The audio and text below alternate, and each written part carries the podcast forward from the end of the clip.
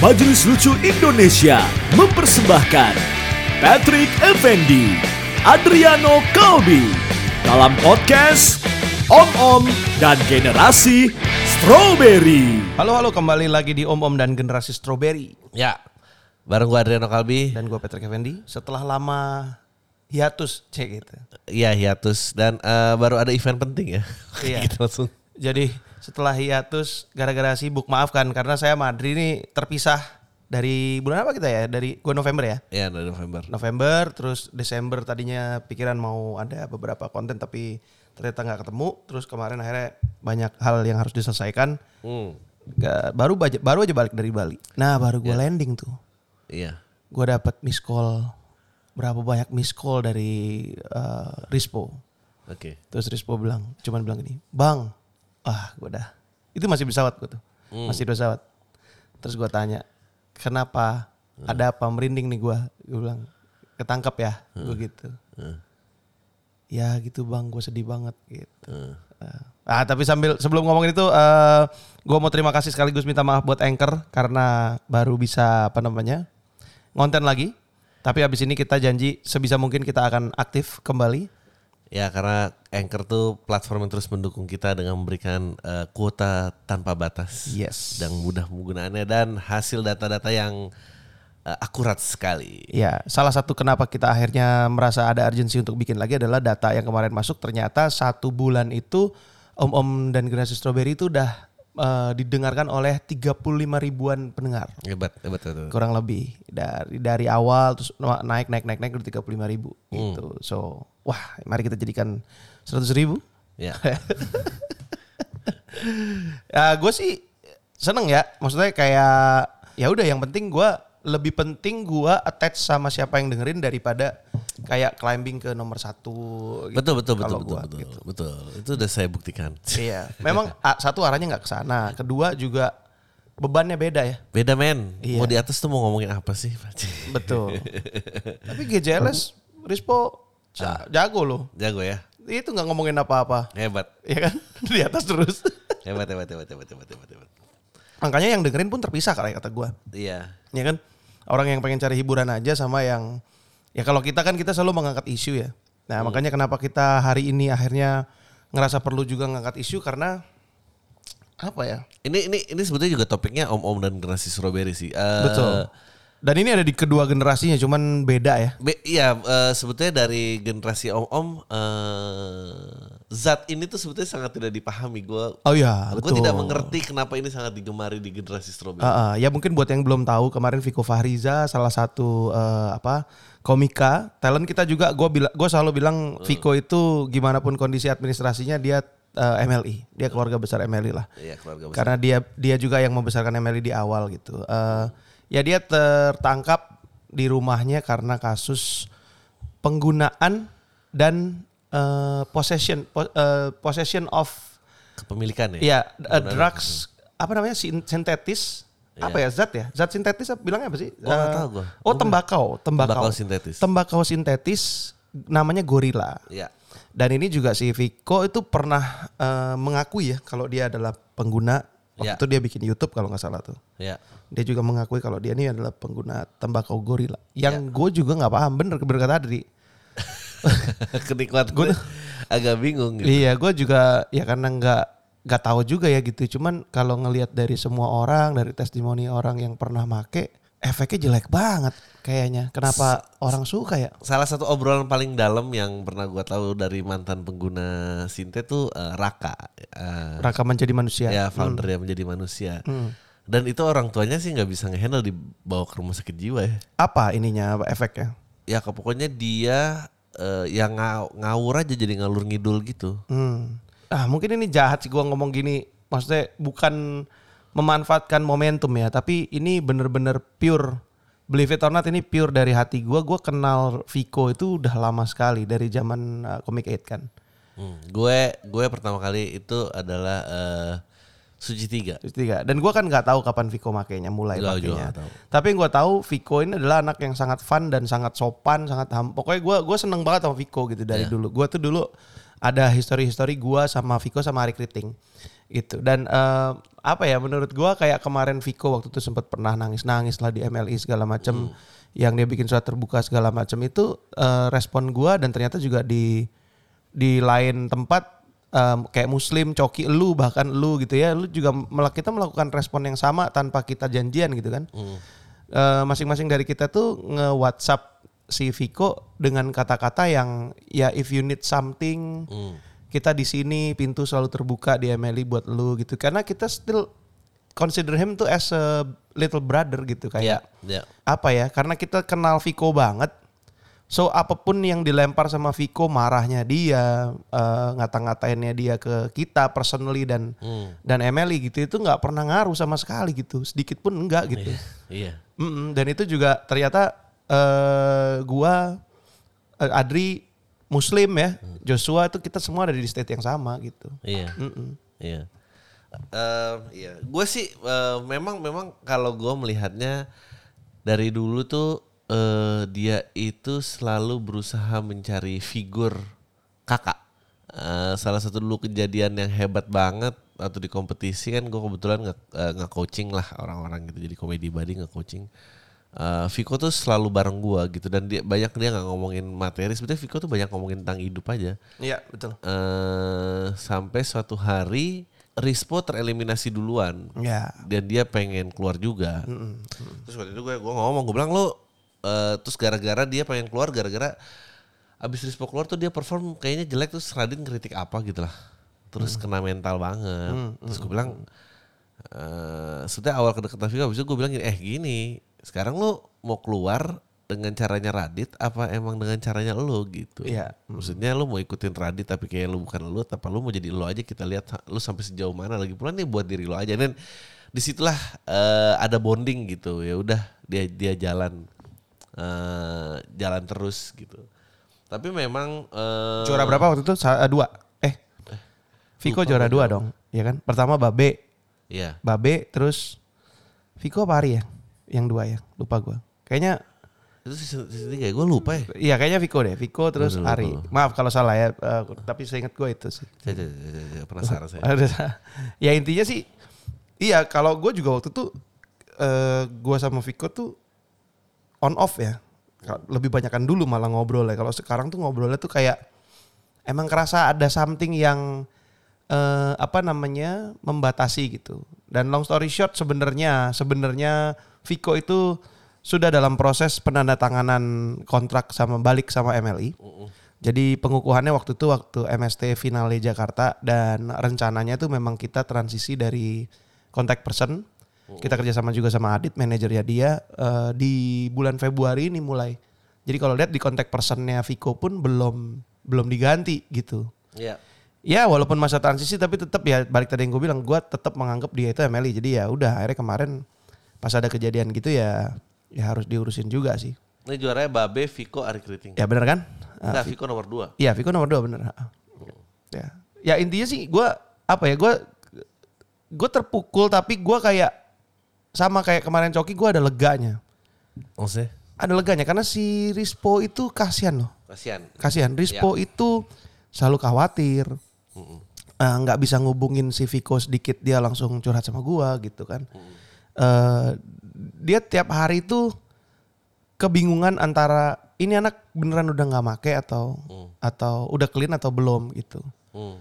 Eh, kemarin-kemarin sih seger ya kita terakhir-terakhir ketemu Iya. dari di Iya. MST itu seger banget kemarin kita sempat meeting seger banget gue sangat bisa membedakan pada saat dia seger diajak ngomong itu sangat enak dan nyambung Hmm. pada saat dia nggak sober ya Iya. ya iya sih ngaco heeh. Ngaco, ngaco, ngaco. gitu. Gue tuh sebenarnya jujur gue nggak tahu mau ngomong apa eh, di podcast ini karena gue juga nggak tahu efeknya tuh apa gitu.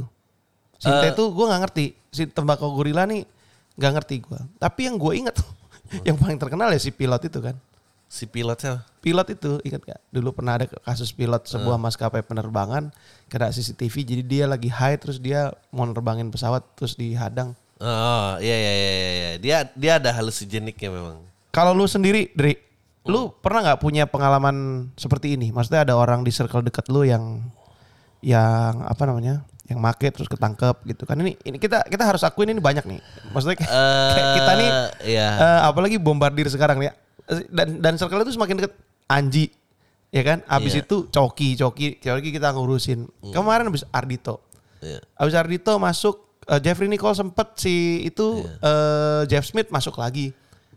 Ya kan yang kedua gitu. Terus ini gitu. Ini ini apa sih? Eh kita nggak punya narasumber nih. Kita nggak punya narasumber. gue dari kemarin juga nanya siapa yang make? Gitu kan itu itu susah banget nyari narasumber gitu. Tuh tapi gue pengen tahu urgensinya apa sih kalau mungkin kita ngomong dari zaman kita dulu deh. Kita tuh dulu kalau misalkan ada yang make itu kenapa? Kalau jangan kita inilah pop culture. Iya. Nggak, eh, dulu ada kiblat pop culture tuh Beler tuh pop culture-nya, Pet. Iya, Maksudnya betul. semua keren kok apa Beler dan Grunge, selengean, uh-uh. dan selengean itu emang eh, kiblatnya. Gue rasa juga sekarang sama ya. Menurut gue ada dua, satu boredom, eh, kedua eh, kedua ya emang that's the eh nggak tahu ya that's the cool way to live ada nggak ya? Enggak- ya nggak tahu ya sekarang kayaknya boredom menurut gua. Orang-orang sekarang tuh boring. Gua nggak tahu kenapa apa yang terjadi. Maksudnya dengan eh, mental healthnya Iya semua terhubung tapi semua sebel gitu. Jangan kita jangan kita dulu nggak sebel sebel banget karena kita semua nggak dulu nggak terhubung. Karena Iya, bisa ter- jadi, Karena bisa semua jadi. terhubung dan semua tuh sebel dan semua tuh ngerasa ah ini mah apalah gua apa gue cuma mau lewat. Gue cuma mau lewatin waktu aja. Gue cuma mau lewatin waktu aja dan be- beda gitu kayak dulu tuh kerja keras apa pitching habis itu party hard besok pitching lagi Iya. apa eh, itu itu kejadian merayakan celebration lah iya celebration. gitu maksudnya em, kalau lu tanya dari ada circle banyak sebanyak ini yang ketangkap nggak ada soalnya kan istilahnya gue stand up tuh dari tahun 2011 berarti ya Hmm. anggaplah 10 tahun lebih lah 10 tahun lebih gue melihat dunia entertainment sisanya mah dulu nggak ada. Gue dulu tinggal di Pesanggerahan. Pesanggerahan dari tahun gue lahir 84 sampai tahun 98 14 tahun. Kalau itu zaman PT yang mati banyak tuh di situ. Hmm. gue lihat orang mati banyak. Gue lihat orang mati banyak. Sampai gue SMA tuh temen gue masih ada yang mati lah. Ya karena PT PT gara-gara PT. Em, nah abis itu abis tren PT eh, Cimeng kan selalu ada lah pokoknya PT terus Cimeng ya Sabu udah mulai mulai masuk tuh di mau 2000-an awal. Nah abis itu nggak lama tuh mulai ada Halime tuh. Nah abis itu nih kayaknya nih beda genre nih. Iya. Eh, yang Halime akan nembus ke ya yang psikologi psikologi semua Iya. sama yang ya udah lo nginek apa gitu. Ya, ya mungkin penga- eh, apa pengetahuan sedikit buat yang dengerin.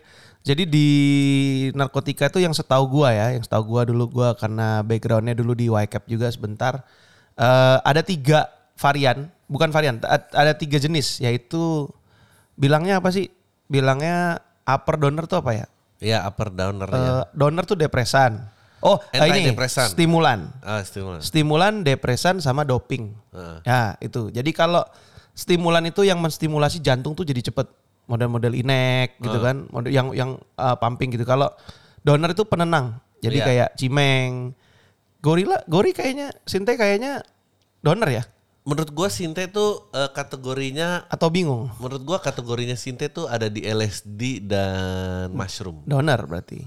Kayak hallucinogenic menurut gua. Iya Beda, donor, iya. donor karena do- donor terus hallucinogenic gitu. Iya. Uh, dia itu me- me- me- apa, memelankan jantung. Heeh, pokoknya apa ngayal Iya. ini apa eh, apa tuh obat eh kok lupa gua yang terkenal obat yang disalahgunakan tuh obat sakit jantung tuh apa? Eh, dum dum dum Dum. dumolit Ya, dumolit Dumolit. dumolit.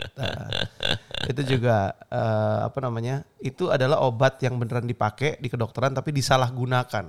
Hmm, Disalahgunakan. Itu obat orang tua itu sebenarnya. ya. Itu. Nah, eh karakter pemakainya tuh juga beda. Beda. Beda. Nah, kebanyakan teman gue yang meninggal, kebanyakan teman gue yang meninggal, eh, walaupun dia udah sober, itu hasilnya tuh dari komplikasi apa yang dia pakai. Ya. Ngaco. Jadi misalkan dia pakai donor sama upper dijadiin satu gitu misalkan kan, ya kan banyak kan. Oh iya. iya, iya. Dia nyimeng, nginek, eh wah sebagainya dia hantem semuanya. Karena dulu informasi pengetahuan tuh juga nggak ada. Iya kan. iya iya. PT gitu semua teman-teman gue yang sembuh PT sih Parkinson ya sekarang. Iya benar. Terus eh, sabu itu apa pengkristalan. Ya. Terus eh, otak kan, otaknya kena tuh. Short apa tuh short memory loss atau apa gitu. Pokoknya otaknya kena. Terus eh, sistem-sistem saraf di panca inderanya juga lumayan berkurang itu. Hmm. Kayak dia nggak bisa tuh kayak misalkan ada ada temen gue yang kayak misalkan sampai mandi itu Hmm. dia dia gerah banget tuh mandi itu ya flat aja gitu nggak ada rasanya Oh iya iya. Orang iya. mandi seger kan udah ini. enam, udah Iya enam. udah enam gitu. Itu juga parah. Seksual juga hancur. Pasti. Hancur kalau sabu tuh. Seksual hancur banget karena libidonya di atas Iya. eh, rata-rata manusia tapi otaknya putus kan. Iya, iya. Jadi Si- Psikiater gue bilang eh, istilah ah otak lu minus gitu kan. Eh lu pernah denger gak sih? Iya. Otak lu minus. Itu benar. Jadi kayak kalau orang pakai math itu, Iya. kalau lu lihat di scan eh kalau lu lihat scannya, lihat di Google aja, cari aja uh, brain scan with math gitu. Hmm. Itu kelihatan rusak itu rusak banget. Hmm. Kalau pakai math gitu. Dan akhirnya psikiater itu mencoba membalance itu dengan mengembalikan ke nol aja dulu. Sebisa mungkin ke nol. Karena kalau udah di jaringan di Iya, otak iya, tuh iya. nggak bisa sembuh. Nah, gue nggak tahu kalau eh Sinte tuh gimana gitu gue gue banyak dapet DM Bang Adri nggak tahu rasanya tembakau gorila tapi takut tes urin. Gara-gara gara-gara habis interview sama Polda sama Kapolda. Eh apa ya? Ya mungkin kalau kita nggak tahu nggak apa-apa, tapi eh, coba kita ngobrol dari ini. Ah, Lu, ini, ini gue dulu ya. Kemarin ada seorang sahabat, lah, sahabat public figure besar yang kemarin kurang ajar banget, bercanda sih. Terus dia bilang, lu tuh cari hobi yang lain dong, lu hobi banget ngumpulin beginian. ngumpulin orang-orang bermasalah. Iya. eh. Ngumpulin orang-orang dengan drug drugs apa namanya Ya. addiction gitu kan. Gue bilang ya gue ya gue kan nggak tahu gue ketemu sama siapa gitu kan. Gitu. Tapi gue pulang tuh gue kepikiran omongan dia gitu. Maksudnya kayak iya juga ya kenapa kita banyak banget orang-orang yang bermasalah yang deket sama gue gitu tapi satu sisi tapi satu sisi kemarin gue ngeliat fo- eh, foto dan videonya Rispo. Eh, gue sedih. Oh. Dan eh, di satu sisi terus gue ngeliat enggak tapi gue juga ngumpulin banyak orang-orang hebat dan orang-orang baik. Hmm, berhati baik gitu. Maksudnya dengan segala kehidupannya mereka Hmm. mereka ini semua struggle untuk hidup tapi mereka ini orang baik. Ya. Karena gue tuh sangat percaya hidup ini adalah abu-abu nggak ada tuh orang yang kayak si Unyil gitu yang eh, Unyil tuh menurut gue profilnya Kiai ya Hmm. dia itu buah anak kecil gitu tuh nggak ada gitu makanya that's why gue selalu sebel kalau SJW SJW itu judgement ya gitu. Nah, kemarin kan SJW juga ada yang langsung Hmm. ah tuh kan gitu. Nah untung Deddy Kobuser kemarin me- menjawab juga dengan privilege good looking itu kan. looking. Emang emang netizen nih brengsek gitu. Hmm.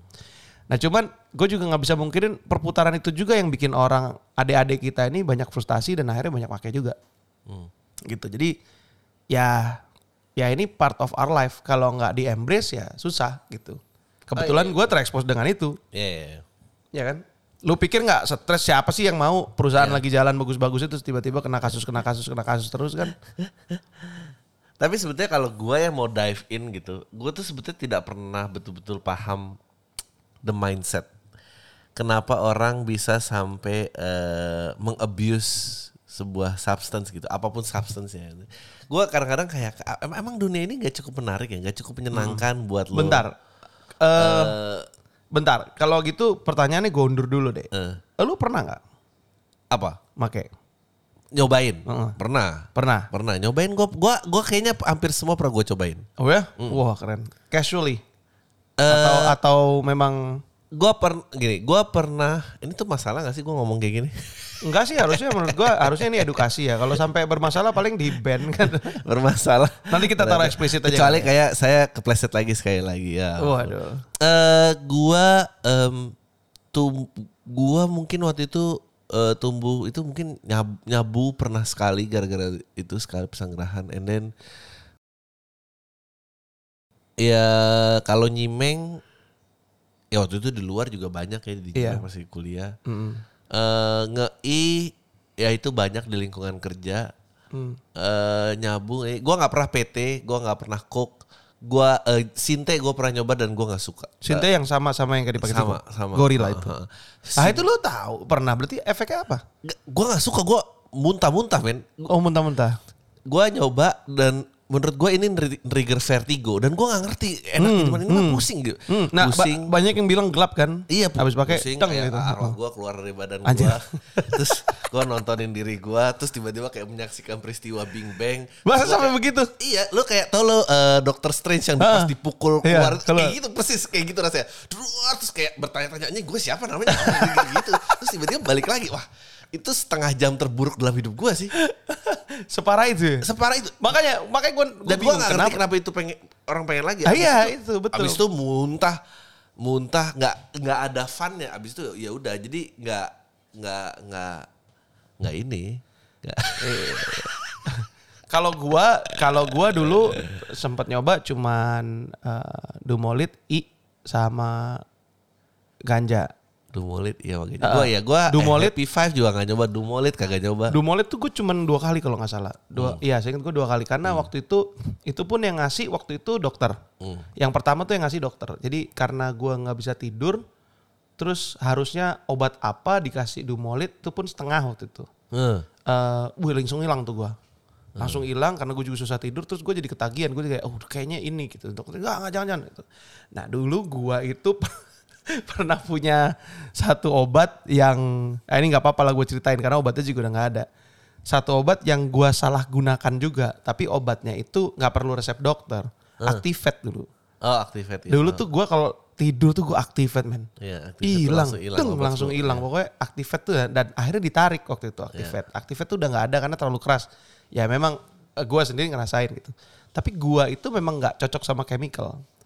Kalau obat tidur enak ya itulah apa, namanya eh obat antimo antimo Antimo tuh- nggak kena. Gila lu antimo gak kena. Itu kena antimo. Antimo gak kena. Gue tuh sekarang gue tuh sekarang pakai suplemen. Eh, Se apa namanya eh, suplemen tapi adanya cuma di Amerika jadi gua selalu nitip kalau dari Amerika tapi itu suplemen herbal. Nah gua tuh kenanya sama yang herbal-herbal. eh. gitu. Gue tuh obat tuh takut gue. Gue tuh kalau misalkan sakit batuk aja gitu. Kalau bisa nggak minum obat, Ya gue juga, juga. kalau nggak parah banget itu. Kalau parah banget, gue harus make sure obat yang gue minum itu obat yang benar dan dan dan sangat berfungsi gitu. Viko tuh umur berapa ya by the way? Ah nggak tahu gue 29 Viko tuh. Viko Fariza tuh 29 kalau apa 28. Soalnya waktu gue kenal dia masih 19 apa ya kalau. Iya benar dia, Iya dia kan? salah satu yang muda kan. dia sangat muda gitu. Dari dulu tuh sampai sekarang kan drugs tuh ada ya di di kita gitu. Cuman memang triggernya kenapa orang menggunakan tuh beda-beda. Kalau gua dulu itu karena gua memang ada masalah pribadi. Karena gua itu memang bermasalah sama fase hidup gua yang itu. Terus gua juga kebetulan dulu tuh semuanya lurus kan. Gua nggak ngerokok, gua nggak minum, gua nggak apa, nggak ngapa-ngapain. Terus gua rapel tuh.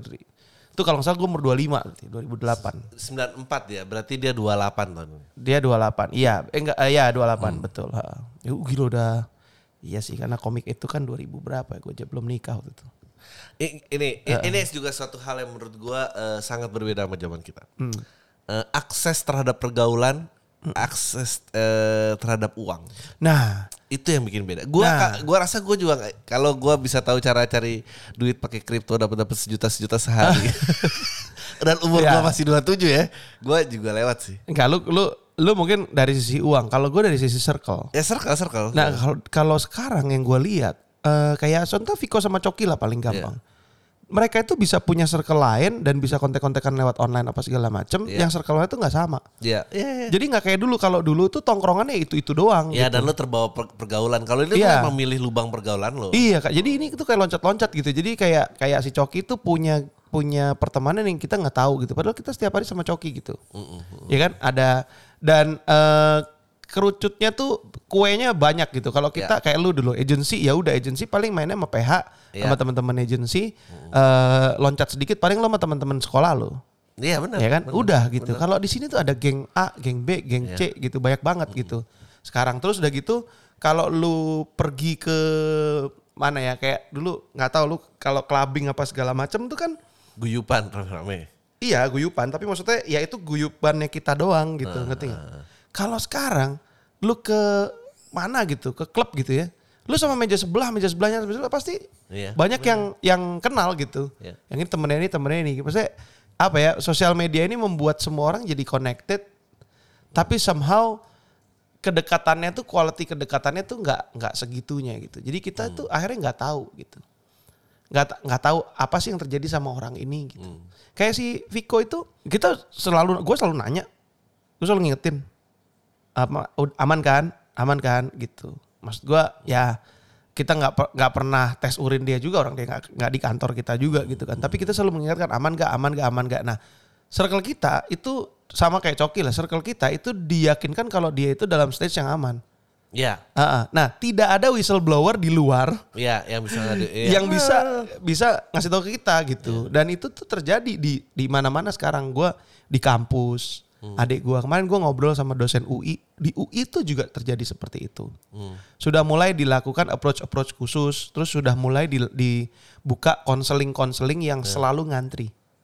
Lucu ya, itu ironis banget. Everybody's connected, everyone's lonely itu menurut iya, makanya karena quality lu nggak- iya, karena quality, quality kedekatannya tuh jelek. iya. Jadi sekarang nih, sekarang lu bisa nih kenalan sama orang di Instagram. Iya. Eh, Enggak deh, adek gue contoh paling gampang Iya. adek gue generasi strawberry.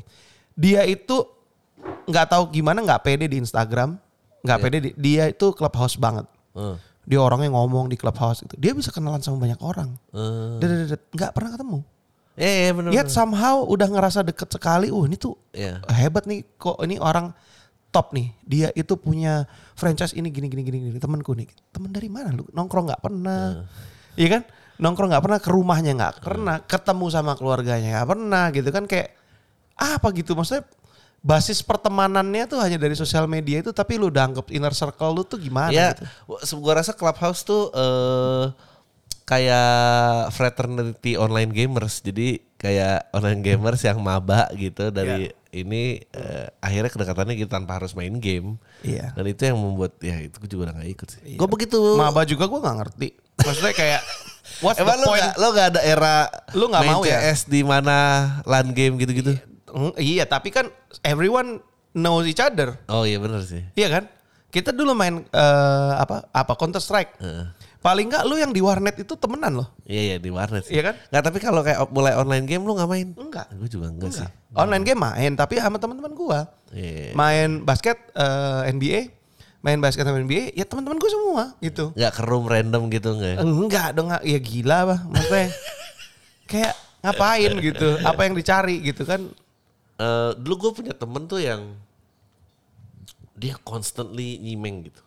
Dan gue tuh nggak nggak paham lah artinya, kok lu demen sih constantly teler gitu? Maksudnya kan nggak enak ya. Ini minum air putih aja kan enak karena lu bisa rasain airnya ngalir gitu. Kalau ini kan lewat makan juga semua sama aja gitu. Iya. Kayak ah, oh, paling enak tuh habis nyimeng makan gini-gini. Habis nyimeng makan ini yang kalau dipotong sendal jepit juga lu nggak tahu. Kalau lagi nyimeng kan lu nggak berasa, lu kan nam gitu kayak Enggak tapi lapar deh. ya lapar memang, Lapar tapi banget. kan lu nggak tahu rasanya. Tahu. Ya enak gue enak banget jadi makan tuh kayak uh enak banget cuman porsinya tuh kayak banyak yang nggak Iya, masuk perasaan biasanya gue sakit banget perut, Nah. apa, ini ini nah gitu. sakit perutnya yang sadarnya Iya. lama gitu gue intinya sih kayak gue nggak pernah mengerti pingin gini salah satu yang keluar misalnya waktu itu Coki adalah dia bosen bosen ngadepin daily life. Ya jadi kalau nggak ditekan dengan main game yang menarik narasinya ya dia tuh have to deal with real pain yang ada dalam dirinya dia dan dia yang nggak suka itu. Ya makanya akhirnya escape-nya ke drugs gitu. nah, nah ini ini gue cerita sedikit. Jadi setelah Coki keluar eh si Coki keluar setelah Coki ditangkap kita itu sempat bikin outing. ML itu sempat bikin outing. Dan kita tuh sempat punya partner psikolog gitu yang dia itu gue waktu itu waktu kita ngobrol meeting pertama tuh gue bilang gue ini sangat perlu punya indikator eh untuk talent-talent kita talent-talent MLI yang kira-kira nih sudah butuh pertolongan. Hmm. karena gue tahu mereka itu nggak terbuka. Jadi gue itu bedanya eh nanti nanti gue cerita deh kenapa gue merasa concern banget. Tapi intinya waktu itu akhirnya kita psikotes kan ya semuanya. Berapa? 21 orang ya? Ya 21 orang. Dan ternyata semua 21 talent kita stand up comedian itu prone to depression iya semuanya depresi dan memang sudah butuh pendampingan psikolog dan psikiater. Ya Gitu. banyak eh, result-result kayak eh, tidak mengenal rasa takut. Ya tidak mengenal rasa takut, depresi tapi depresi tinggi, tapi percaya tinggi, diri tinggi, tidak tidak percaya sama orang juga tinggi. Iya. Jadi aneh gitu. ya. Aneh. Jadi kalau lu ada masalah, lu nggak akan minta tolong ke orang. Ya kan? Tapi kalau kita berusaha masuk, dia juga pasti akan nembok, tembok. Tapi ya gini, gue ini kan istilahnya di dunia hiburan yang gue lihat itu kan cuma stand up comedian. Iya. Lu kan melihat dunia musik. Menurut Iya. lu sama apa enggak? Beda 100%. Oh, beda sesuatu. Beda 100%. Lu kalau tanya sama gua hari ini, gua akan blunt nih ngomong gua jauh lebih nyaman dengan Enggak, enggak. Maksudnya Ah. mental rusaknya dalam mengabuse drugs. eh Maksudnya lu kan kenal Lasso, lu kenal ini oh, iya, maksudnya. heeh. Ya lebih parah musisi harusnya. lebih parah musisi, tapi tapi ya kan, tapi tracking backnya itu lebih mudah. Eh. Gitu, karena motivasi makainya juga beda. Hmm. Gua, gua tuh sangat menolak glorifikasi ya kesehatan mental harus disandingkan dengan komedian. Menurut gue yang merusak kesehatan mental itu lu ada di dunia entertainment. Dunia entertainment dan Secara sosial media. Iya, dunia entertainment terus sosial media. Ya udah hi- hidup seperti itu dan itu mencemaskan. Karena dulu hidup gua nggak cemas, Pet. Maksudnya Emang sekarang hidup gua lebih cemas. lebih cemas, men. Karena ketarik-tarik hidup gua sekarang bukan punya gua doang. Hmm, Kalau dulu tuh kayak ya kerja kantor kita di sini kita keluar apa abis itu pulang. Abis itu ya gua nggak ketemu lo weekend gua nggak mau gua nggak ada eh urgency. Sekarang tiba-tiba ada ada pikiran kayak what if kalau gua udah nggak relevan lagi ya? Anjing ngapain gue mikirin kayak gitu? Nah ini gue nggak tahu lu nih gue tanya. Di talent kita ada beberapa yang stage-nya tuh kayak lu. Jadi happy Iya. happily married punya anak apa segala macam gitu. Tapi masih tetap malam-malam tiba-tiba nangis sendiri gitu. Lu ada nggak gitu? nggak ada nggak ada gua. Nggak ada. Ya berarti kalau kalau gua tuh lebih khawatir kayak 40 rezeki gua masih sama nggak? Itu itu oh itu itu, lebih- gue juga sama Eh, dong itu manusiawi. kepala- gue juga kayak oke sekarang oke nanti kalau misalkan ada apa-apa kalau gue sakit nanti gimana ya? Em- apa gue harus mempersiapkan apa? Itu bagus kalau menurut gue nggak ada gua eh, nangis apa itu tuh menurut gua memang beda sih gua waktu masuk ke stand up itu gua bener-bener eh, punya niatan di mana gua ingin menulis buat diri gua karena dulu gua nul- jadi penulis iklan kali ini ya ya kalau gua nulis apa yang diperintahin orang lagi ya gua nulis iklan aja ngapain gua nggak nulis Iya. makanya karena umurnya dan dan dan cara masuknya jadi gua nggak pernah benar-benar ikut wave itu gitu. Iya, iya, iya. iya. Kalau Semuanya kayak- lo lakuin buat lu sendiri gitu. Iya, kalau kayak Viko tuh kan sempat kayak orang yang lebih terkenal daripada dia eh, berkomentar bahwa ya kalau kayak gini lo nggak akan diterima orang, lo harus mengubah diri lo siapa. Di- Siapa yang mau itu? Eh juri-juri kan juri. Dia kan kena mental berapa kali. Maksudnya jadi yang bikin gue serem dari dunia hiburan adalah banyak orang-orang yang masuk sebetulnya niatannya eh, mencari dirinya siapa, lalu dibentur sama komentar orang, dibilangin bahwa lu mungkin gak sukses kalau lu tetap melakukan cara lo, jadi lu harus cari cara biar lu diterima banyak orang. Itu yang bikin menurut gue kacau balau. Hmm, ya mungkin mungkin karena waktu itu juga belum ada outputnya untuk eh, seperti sekarang. gitu. Betul, betul, betul. betul. Lu bisa mengekspresikan diri lu YouTube apa segala Ya, macam sendiri tanpa ada kurasi yang driven gitu kayak Ya. dulu TV atau program apa. Sekarang semuanya Everybody can own a channel gitu. Iya, ya. betul. Jadi kalau lo mau publish channel lo itu pakai aja Anchor. Yes, eh, kan? gue tuh kalau bolos jadi geli sendiri. Eh, apa eh, dia platform menyediakan kuota tanpa batas Yes. dan analitik yang sangat lengkap langsung one push of a button dipublish ke plat, banyak platform seperti Spotify Dan gratis. yang gratis. Ya. Balik ke balik ke musisi tadi ya. Ya. Sama ini Pet, menurut gue ya kalau lu skuter ya anjing skuter. Iya, skuter. Selebriti kurang terkenal. Skuter, lu kan sebetulnya kebanyakan nganggurnya ya. Heeh. Nah nganggur tuh jelek menurut gue buat mental Iya. health. Iya, betul. Diam-diam di rumah, Nah, apakah ada job hari ini dipanggil atau tidak. Itu gue tahu itu pressure banget. Maksud gue, gue bingung sama eh, ini ada di circle kita. Kita tuh sering banget menemukan eh ini bedanya sama musisi. eh, menemukan teman-teman public figure yang ngerasa harus punya urgency untuk apa ya up to date dari sisi eh, financial expectation. Handphone baru, Ya, ya, ya, ya. ya kan? Secara sosial tuh dia harus di dilihat wow gitu. Iya. Ngerti gak sih? Itu itu emang kebetulan gak relate sama gua aja. Liburan ke Bali cekrek Instagram. Iya. Liburan ke mana Instagram. Maksudnya itu kayak menyebarkan kebahagiaan is one thing nggak apa-apa, nggak salah gitu. Iya, iya, Tapi iya. kalau itu jadi urgency harus apa namanya ya harus terus gitu konstan itu untuk untuk untuk update sosial status tuh kayak kasihan sih menurut gua. Karena belum tentu setiap hari posisi finansial lu ada di posisi yang sama. Oh iya, iya, iya. Ya kan? Dalam kondisi lu lagi struggle untuk membenahi diri dan eh, apa ya mencukupi kan kita nggak tahu kondisinya. Viko nih contoh. Viko nih yang paling menyedihkan buat gua ini adalah yang gua sempat kepikiran juga dari tadi malam adalah dia nih yang orang-orang bilang sekarang sandwich generation. Hmm. Dia menafkahi bapaknya, Hmm. dia menafkahi adiknya. Hmm. Gitu. Jadi dia bisa dibilang dia tulang punggung keluarga. Hmm. Nah, begitu ini nggak ada, nah pindah ke Viko. Pindah ke Rispo. Eh, pindah ke Rispo. Heeh. Eh, ya apalagi, maksudnya apalagi ini gini. Berbeda dengan Coki adalah Coki itu eh, memasuki umur 30-an. Kalau gue baca gini, Coki itu 30-an lalu hidup tanpa beban, uangnya banyak. Jadi hidup tuh tanpa tujuan. Gue juga kalau 30-an duitnya sebanyak dia, tidak ada tanggung jawab, gue eh, akan liar. Akan liar. Gue percaya manusia tuh baik bukan cuma karena pilihannya tapi juga karena dikekang tanggung jawabnya. Nah, kalau yang satu lagi gue agak kurang em, mengerti sih gitu. Udah tahu banyak tanggungan lalu apa gitu. Kalau kalau gua ngobrol sama Viko sih selama ini selalu dia bilangnya casual, dia itu nggak pernah nyari, dia bilang.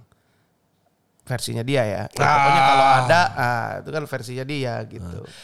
Viko tuh punya kepolosan berbeda. Gue ngerasa waktu gue gue cukup intens waktu nge-coach dia. eh waktu gue nge-coach dia, gue masih ngerasain itu eh, dia itu anak kecil. Hmm, ya. Terus begitu dia besar ya mungkin tiga tahun belakangan lah dia tuh always look disappointed. Gue gak tahu kenapa. Marah-marah mulai ya. always look disappointed. Kayak semuanya katro. Apa Semuanya meskipun katro, itu iya, betul, ide yang ide yang melahirkan Emily ya tapi pasti kayak di katro ada bagus banget. Tapi eh gue gak pernah punya gue lagi mikir gue 28 mikir-mikir kayak gitu kayak enggak gue 28 mikirin kayak Ya stage-nya beda sih. Kita nggak bisa menyamakan semua orang dan kita juga nggak tahu. Karena men- kalau ngomongin kayak gitu, gue juga punya temen yang 40-an masih ngedrugs. iya iya benar benar benar. 40 almost 50 lagi masih ngedrugs ada juga. Ngeri itu, ngeri. Iya, maksudnya eh, balik lagi kan sebenarnya motivasi orang ngedrugs itu ada yang pelarian, Hmm. escape karena dia nggak punya tujuan itu betul lagi nggak bahagia gitu kan. Hmm. Ada yang buat tongkrongan doang, Iya iya. eh, karena kalau ah nanti gue kalau nggak pakai disangka nggak asik gitu kan. Iya. Nah sebenarnya yang harus dikuatin adalah ya kalau boleh boleh diambil satu poin dari podcast hari ini adalah ya lu jadi manusia kalau lu punya jati diri sendiri, kalau Iya. lu percaya sama diri lu, ya kan apa pun yang ada di depan lu, lu ya lu gitu. Lu nggak harus, ya kan? Lu nggak harus ikut Janganlah ikutan. Anda bawa pergaulan ya. Iya, lu nggak harus ikut ikutan kayak maksudnya kayak kayak itu tuh gue tuh gue tuh selalu nggak ngerti ya. Gue selalu bilang FOMO buat gue FOMO itu nggak ada. Sebelum gue tahu FOMO itu apa ya. tapi FOMO FOMO mungkin gue kecilin deh, mungkin bukan FOMO-nya, tapi the fact ada orang yang merasa left out pada saat dia nggak diajak nongkrong sama temennya itu buat gue aneh. Buat gue aneh banget itu. Kayak, leh, ya Iya. kalau lu mau ikutan nongkrong datang aja. Ya. Gitu kan. Kalau lu tahu datang aja. Kenapa? Atau telepon, eh kok gua nggak diajak? Gua ke sana aman kan nih? Gitu. Atau mungkin atau mungkin mereka sengaja nggak ngajak gua. Mungkin mereka punya surprise ulang tahun buat gua kayak atau apa gitu kan kita nggak tahu. Iya. Atau nggak kalau lu nggak ada urgensinya ya udah lu pergi ke yang lain gitu. Lu nggak harus gua- jadi alpha atau followers, tapi lu cuman cukup jadi diri lu aja gitu. Iya cemasnya, iya cemasnya tinggi banget. Gua Ya. lagi Nggak, tapi tapi gini, tapi gini, gua gua gua eh, satu hal yang menurut gue bisa dirubah itu adalah pada saat kita menguatkan mental kita dan dan eh, di- siapa diri kita gitu. Dan yang nggak bisa dihilangkan adalah perputaran drugs di dunia ini sampai kapan pun pasti pasti akan pasti ada, pasti ada, pasti. Pasti akan Nah, ada. And they only gonna make it safer. Maksudnya, Nggak juga, Dri. nah maksud gua gini. Dulu maksud gua drugs mulai dikonsum massively gitu zaman PT beredar itu tuh sangat nggak safe dan ngancurin badan lo directly. Hmm. Iya. Now badan tuh nggak gitu hancur, otak lo yang yang sinting-sinting. Oh iya iya iya. Maksudnya eh, dari sisi produksi itu juga jelek kalau marketnya habis kan kita Iya. mau jualan Iya. ke mana gitu. Dia akan produce sesuatu yang emang ya udah you, you're gonna live with it aja gitu. Ya cuman kan kalau didengar zaman dulu tuh eh, dulu aja tuh gua 2000-an awal itu gue banyak denger pada saat di YCAP orang tuh bikin Inex itu banyak yang ngawur, Iya iya iya. yang di apa disemprot di coating baygon Iya. segala macam gitu-gitu tuh kan supaya rasanya ada pahit-pahitnya gitu tuh itu itu ini tuh zaman gak ada internet banget cari informasi susu. Coating by gue udah pasti salah lah goblok. makanya itu itu tuh hal-hal kayak gitu kan Ya, lu tahu efeknya tapi lu nggak tahu apa yang lu consume ya, Iya kan? Itu kan orang Indonesia banget tuh. Kayak eh apa namanya? Kalau panas minum obat cacing. Nah, kayak gitu kan. Itu kan Indonesia banget tuh turun temurun tuh udah udah udah tapi lu nggak tahu kandungannya apa. Ini intermezzo dikit Ya. ya, Bro. Bro Alan. Kemarin gara-gara ada isu vaksin ketiga harus bayar, Hmm? ada orang nge-tweet bagus banget. Yang pertama gratis, kedua gratis, yang ketiga bayar. Jadi inget zaman kampung Bali. Anjing. Goblok iya lagi. Tapi emang dulu gitu sih. Dosis pertama gratis, kedua gratis. Pakai aja dulu, cobain dulu ya. Iya. Anak ketiga udah urgent nih. Anak kampung Bali mana suaranya tai. Nggak, tapi kan udah gratis sekarang. Vaksin, Ya, ternyata vaksin gratis. Iya kan? Tapi bagus banget itu. Iya. eh iya kayak gue gini salah satu hal yang menurut mungkin beda eh ya karena karena sosial media tadi ya melihat keberhasilan orang apalagi lu di circle anjing dia udah main film ini ini apa ini udah Iya. di sini dulu tuh kita kayaknya nggak gitu mikirin nggak gitu mikirin orang loh gue nggak pernah khawatir maksudnya pendapatan temen gue tuh berapa Iya, bener. Karena Eh, satu tongkrongan kan ya udah. Meskipun kita satu tongkrongan, gue nggak pernah kok dia bisa sampai Nggak- enggak gue gitu, kok dia eh ya dulu nggak Tuntutannya beda kali. Maksudnya pada saat eh, waktu itu kan kita tongkrongannya di situ tapi temen memang punya apa finansialnya lebih oke gitu. Kalau Iya. sekarang kan semuanya tuh kayak Kebuka. punya urgency. Ayo kita ke sini bareng-bareng gitu. Mm, kebuka. Loh, kita dulu ya kan nongkrong Hmm. mau ke Bali aja tuh harus dengan planning dan menabung yang Ya, luar biasa Iya. ya kan. Sekarang ke Bali Kayak hari ini ke. Bali, besok ke Bali tinggal berangkat. ya. Ya kan? Gak usah gitu. Ke Bandung aja kita penuh persiapan kok. Sekarang kan ke Bandung tak spontanly aja, spontaneously aja lu bisa. Yuk gitu. Sama nganggur sih, jangan nganggur menurut gua. Gua karena maksudnya terbiasa tiap hari kerja ya tiap hari ngantor. Coba kalau gua ngandelin stand up doang, wah gila gua pasti bengong-bengong. Enggak sama itu. Sama, Ngayal-ngayal. sama itu sosial media itu. Jadi kayak Iya ngeliatin sosmed doang, wah makin semua yang gua. semua yang hype itu deh kayak kayak gua kemarin nih gua kemarin ke Bali ya. Gua kemarin ke Bali terus gua itu diajak sama bini gua ke satu tempat breakfast yang lagi terkenal banget, happening Hmm. banget. Waktu gua datang semua orang Indonesia ada di situ. Makanannya oke, Hmm. oke makanannya. Harganya kayak tai, men.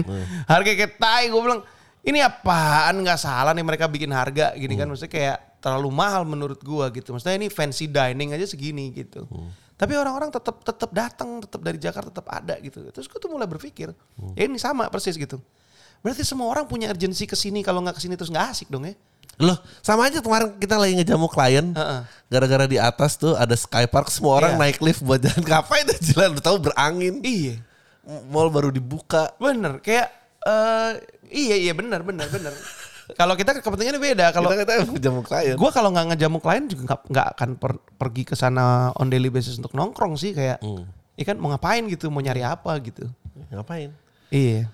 eh ya, tapi kalau balik ke narkobanya, gue cuman bilang hidup kalian adik-adik pasti lebih berat daripada apa yang kita jalanin dulu. Benar. Yakin gue, Yakin karena gua.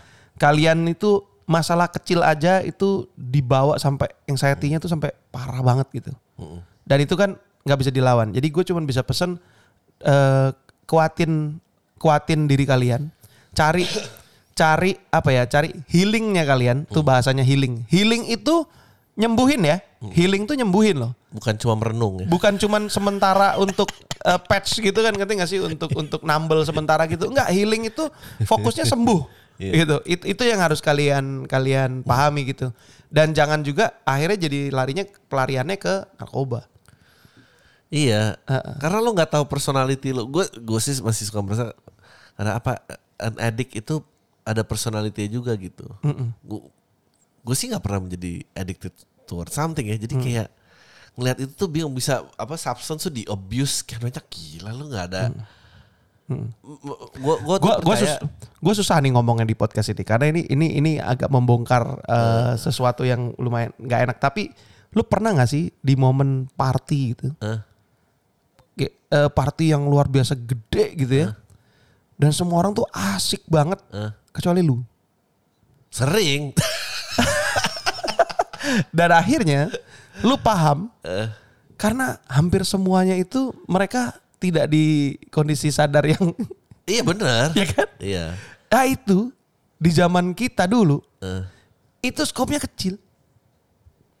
oh, hanya di tempat-tempat tertentu, Iya, hanya iya. di di di ya aduh susah ngomongnya. Pokoknya di di teritori yang yang sangat spesifik gitu. Iya. Kalau sekarang in a massive way.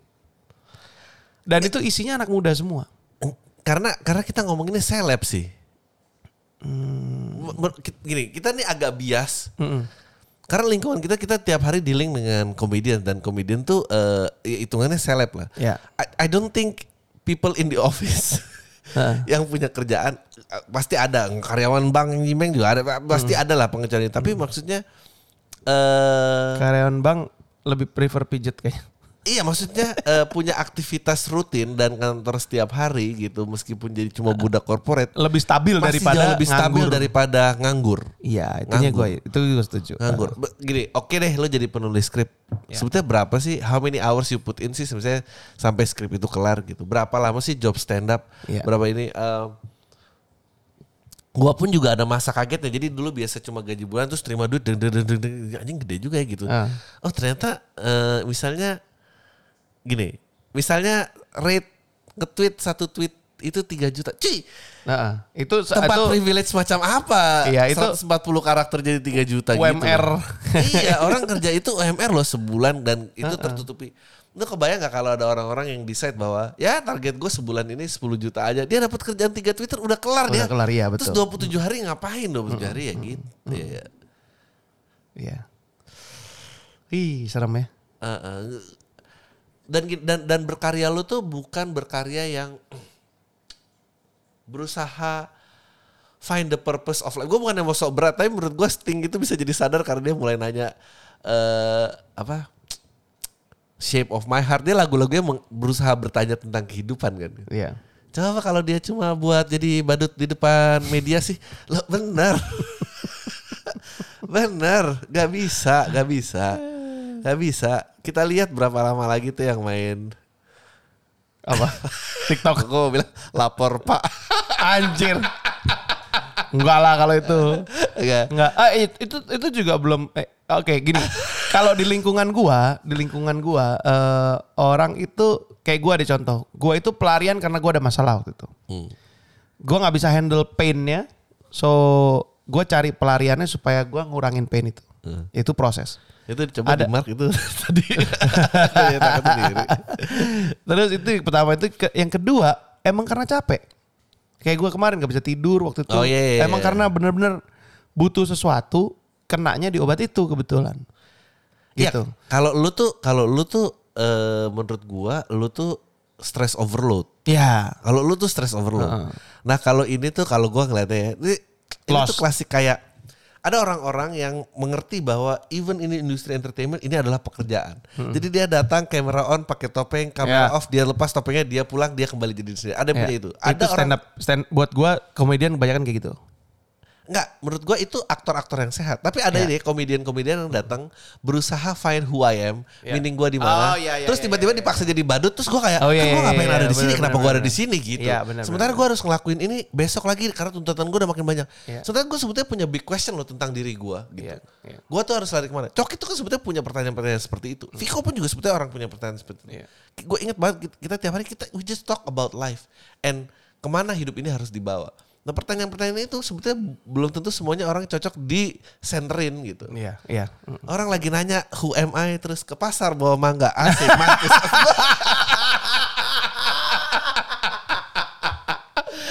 ya maksudnya lu gimana gak gila gitu gila lah pasti. iya iya iya. Iya iya paham sih. Ya kita nggak tahu ya on their shoes tuh gimana gitu. Kayak gue tuh juga ngomong kok. Gue juga pernah. Gue kayak nggak mau lu punya duit sebanyak itu tapi kalau gue nggak punya waktunya untuk eh, untuk menikmati. iya. Iya loh, maksud gue ngapain gitu? Maksudnya kayak gue kepengen kali di rumah apa eh, apa cuman mainan ikan koi atau apa gitu kan atau traveling atau apa gitu. Ini lu kerja dari pagi sampai ketemu pagi lagi, duit banyak tapi ah gitu. Nih ini gak usah sebut nama. Dulu problemnya dia tuh cuma duit. Hmm. Dikira duit akan menyelesaikan masalah. Ya. Begitu dia dapat duit semuanya jadi masalah. Iya. Habis itu dia mulai sering banget terima pekerjaan dari kita yang bahkan bukan rate-nya demi escape rutinnya dia aja nggak apa-apa deh, yang penting gua bisa alasan ke sini ke sini karena cuma di sini gua still can have a piece of myself Iya. gua gua bisa menjadi diri gua coba kalau di tempat lain gua eh, nggak bisa dan itu Dan itu berat bertahan. ya. Jadi buat adik-adik mungkin yang bisa saya rangkumkan kalau kalian masih sangat muda, pencarian jati diri itu adalah mencari bukan mempertanyakan gue ini siapa gitu. Tapi mungkin waktu waktu masih muda lu harus mempertanyakan gue ini maunya apa. Hmm. Cari sebanyak-banyaknya ini aduh ini jangan gue buat adik gue banget. Eh, cari sebanyak-banyaknya hal yang bisa lu coba dan lu akan ketemu lu tuh passionnya di mana? Ya, purpose lu apa? gitu? purpose lo apa? Baru dari situ lu kejar itu gitu. Kalau enggak ya lu akan blunder tanpa tahu arahnya. Ya. gitu kayak kayak lu kebingungan nyari alamat di peta gitu. Tapi lu sendiri juga nggak tahu alamat itu di mana. Iya. gitu. Kayak kayak paling enggak nih kalau misalkan lu tahu oh dia ada di daerah Jawa Barat gitu. Paling enggak lu perjalanannya ke Jawa Barat. Hmm. nggak mungkin nggak mungkin lu langsung ke tiba-tiba pindah ke Sumatera gitu kan? Kayak gitu. Ya gua rasa itu kadang-kadang duit du ya kembali lagi ya duit. Gini ada orang-orang yang sulit cari duit itu biasanya memang mentalnya saya makanya gue selalu ngatain mental health itu penyakit orang kaya. Karena itu yang kebanyakan di rumah. Heeh. dan duitnya gampang mungkin duitnya gampang. Men, kalau yang kalau yang miskin ya itu bukan mental health ya itu lagi susah aja. Emang lagi susah aja. Gue percaya banget kalau nggak punya duit masalah cuma duit. Kalau gila lu punya duit nah, semua semua jadi masalah kalau dulu ya mau sekolah di mana? Nggak ada duit. Terus begitu ada duit kayak anjing sekolahnya yang mana ya? Gitu tapi gue tapi gue juga sama sih. Gue tuh stress level gue itu meningkat pada saat kalau gue lagi bermasalah dengan uang. Di kantor ya di rumah gitu. Selalu uang. Uang aja gue gitu. Sisanya sih aman-aman aja gue ya. Masalahnya tuh eh eks, bertanya eksistensialis gitu. Terus makanya kan tuh nggak gampang kan diracun bisa itu makanya bersyukur ibadah. Maksudnya cuma bisa. Gue jujur gue belum melihat apa banyak komentar-komentar tentang Viko ketangkep sih. Ya bagus lah. ya gue gue sedih sih ngelihat si Rispo kemarin. Rispo tuh sebenarnya habis dia habis dari eh, kerjaan terus dia pulang. Kalau gue tuh on ngerasa gini, pulang terus dia gak bisa terus dia balik lagi di ke Polda tanpa tahu. Gue bilang ini tanpa tahu si seluk beluknya. Iya, gue bilang ini si lawyer kita aja belum bisa masuk karena masih mau lagi nyiapin mau press con gitu. Makanya dia kan kalau lihat di video itu dia ngebob nge apa namanya nerobos Iya. wartawan-wartawan terus langsung dihajar gitu si Viko-nya. Gue gue kemarin bilang ke Gen, ya kalau nggak perlu gesek nomor mesin gak usah lah ke Polda serem. ke Polda tuh gesek nomor mesin aja udah ganti nama STNK udah udah, udah abis lebih itu lu jangan berurusan di sana. Gitu. Itu Enggak lah, kita kita di gedung yang sebelah kan, di gedung Bayangkara kita happy Ngeri kan. banget, ngeri-ngeri. Kita happy di gedung yang sebelah gitu kan. Emang gedungnya aja beda. Gini, kalau gue mau bilang gini, Rispo tuh menurut gue orang yang sangat baik dan gue belum pernah lihat orang yang eh, rezekinya selancar Rispo karena kebaikan. Iya. Itu, itu, itu kehokinya Rispo lah, itu blessingnya Rispo. Iya. heeh. Tapi gue juga harus bilang, tapi mungkin Rispo bukan yang terbaik buat Vico saat ini. Karena eh akan dimanfaatkan terus menerus. Kalau ini kejadian ketiga kali, Vico karena eh, Rispo karena kebaikan dia akan menampilkan kesedihan yang sama dan Vico seolah-olah menemukan lagi, oh ya masih ada yang mau mengayomi gua gitu. Nah ini Iya. dia harus diakses sangat mendalam sih. Maksudnya dia semoga mendapatkan treatment yang di- dibutuhkan gitu. Karena kalau enggak, em, ya salah satu yang paling menyebalkan dari Coki itu kan manipulasinya ya gitu. Iya. mm. Dan gue belum tahu juga Vico selevel apa. Enggak sih kalau Viko sih menurut gua nggak terlalu semanipulatif Coki sih. ya. Heeh. Dan eh, Rispo tuh he's just being a brother aja menurut gue. Iya, Dan dia kan brother. orangnya sentimental banget kan gitu. Kemarin tuh dia juga cerita bokapnya juga berpesan sama si Rispo untuk eh, jangan tinggalin ya adiknya gitu. Maksudnya walaupun dengan kondisi kayak gitu. Si Rispo ini sayang beneran sama Viko. Dan dia nih- banget. dan ini eh, ya nih gue cerita aja dia tuh sedih banget setiap kali ada apa-apa. Dia tuh kalau ngechat gue tuh kayaknya chat kita tuh obrolan kita tuh lebih sering tentang Viko. Iya memang. lo sangat lebih sering tentang Viko gitu. Dia tuh bingung harus gimana apa segala macam dan menurut gue ya ini gue selalu bilang semua tuh ada jalan ya gitu. Kalau misalkan udah ada kondisi yang kita nggak bisa kontrol ya udah jalanin aja. Iya memang. lihat aja ujungnya ke mana gitu. Nah, kemarin gue juga sempat ketemu sama Viko. Gue cuma bilang sama Viko Vik udah jangan mikirin yang di luar jangan mikirin bokap jangan mikirin yang lain-lain eh apa serahin aja sama abang lu lu ikutin aja prosesnya yang penting fokusnya ya lu harus belajar banget dari sini. Iya. Lu mau atau enggak, lu harus berusaha untuk untuk tidak lagi membuat apa ya kebisingan keonaran seperti ini gitu. Ya. Gitu. 28 sih. Lu kalau galang rambu anarki berapa ya umurnya? Asik tuh. Tahu 27. Bu- Kayaknya lebih muda kut- lagi. eh, lebih muda. Ya itu kan salah satu ya artis pertama yang meninggal karena narkoba kan. Heeh. Ya, Ya itu. Oke, gue cuman bisa bilang eh Viko all the best, Coki all the best. Eh, banyak orang yang nge-support kalian, banyak orang yang percaya sama kalian, tapi juga semua manusia itu ada progresnya. Jadi nggak mungkin mereka juga stay kalau hubungan mutualismenya itu nggak jalan gitu. Ya, ya. Jadi itu yang harus dijaga gitu. Kalau hari ini kalian masih ada di sini disupport sama banyak orang tuh ya itu harus disyukurin dan harus dijadikan pegangan untuk jadi orang yang lebih baik itu aja sih gitu. Mm. Gitu. Oke. eh, terima kasih buat semuanya pendengar Om Om dan Generasi Strawberry. Sekali lagi jangan lupa kirim-kirim email kalau misalkan kalian ada tema atau kalian misalkan ada ide-ide siapa generasi strawberry yang akan bisa menarik ya untuk kita interview gitu ya. Karena jujur sekarang tambah kehabisan nih. Narasumber yang ini gitu. Kayak eh kita dikasih kayak hmm, ini siapa sih? kayak kita kita nggak tahu siapa-siapa gitu. Iya. Eh, akhirnya ya kita takutnya kalau kita nggak tahu siapa terus nanti kita interview malah jadi bingung kan Iya. gitu. Dan kita mencari cerita-cerita yang semenarik mungkin. Iya. Oke. Ya udah, dari Adri ada apa lagi? Nggak ada sih, udah eh itu aja gue sih eh gua waktu itu gue lupa siapa yang bilang gue. The gift of life is the life itself. Jadi Asik. Iya, gua gua, Ya benar. gua- gua- jadi Ya benar em, itu. Ya kalau lu nggak sadar lu nggak akan menikmati ini sih. Eh, apa happy sakit hati itu semua cuma perasaan kok. Maksudnya ya Iya. dilewatin aja Iya. gitu. Eh, nggak perlu diredam, nggak perlu dialihkan oleh sesuatu gitu. Yep, benar. Eh, iya nggak asik nam gitu tuh buat gua. Iya nggak asik, tapi nanti kan pasti ada yang jerit. Lu nggak tahu sih rasanya jadi gua gitu kan. Tahu. tahu dong. Dulu juga gitu. Iya, hidup tuh panjang loh. Heeh. Hidup udah panjang nih. Jangan jangan berhenti di situ. Ini nanti lu 30-an ada lagi nanti gitu. Lu pikir nih ngurusin begini-begini juga bukan stage of our life gitu ya kan. Iya. Coki masuk itu stage of my life juga gitu kan. ya kan? Kan taunya orang taunya Coki masuknya nggak tahu apa akibat yang diulah dia dilakukan iya. Coki dan apa yang harus kita Iya. lakukan. Kan gak ada, tapi kan kita harus fokus take care of that. Kalau nggak semuanya jatuh, semuanya tumbang gimana? Gue tuh ngeliatnya eh hidup tuh makin gelap loh. Jadi kalau 20 aja 20-an aja udah kalah. Iya, betul. Apalagi lo mau menuju ke Betul. 40. Heeh. I'm not saying bahwa nggak ada kebahagiaan yang didapat, ada banyak juga, tapi Iya. benturannya tuh akan makin keras. loh. Betul, makanya semakin tua ya, semakin tua pattern yang paling benar itu adalah semakin wise dan semakin wise itu berarti less friends, Iya. less apa trouble, less, Ya, less drama, drama. segala macam. Kita mengurangi itu. Bukan kalau ada berantem itu kayak sekarang itu lebih kayak eh udahlah. Tuh. Maksudnya eh gak apa-apa gue telan aja sebelnya sekarang daripada nanti kalau gue ladenin malah jadi panjang jadi ke mana-mana gitu. Betul. Mm-mm. Ya dah, oke. Eh.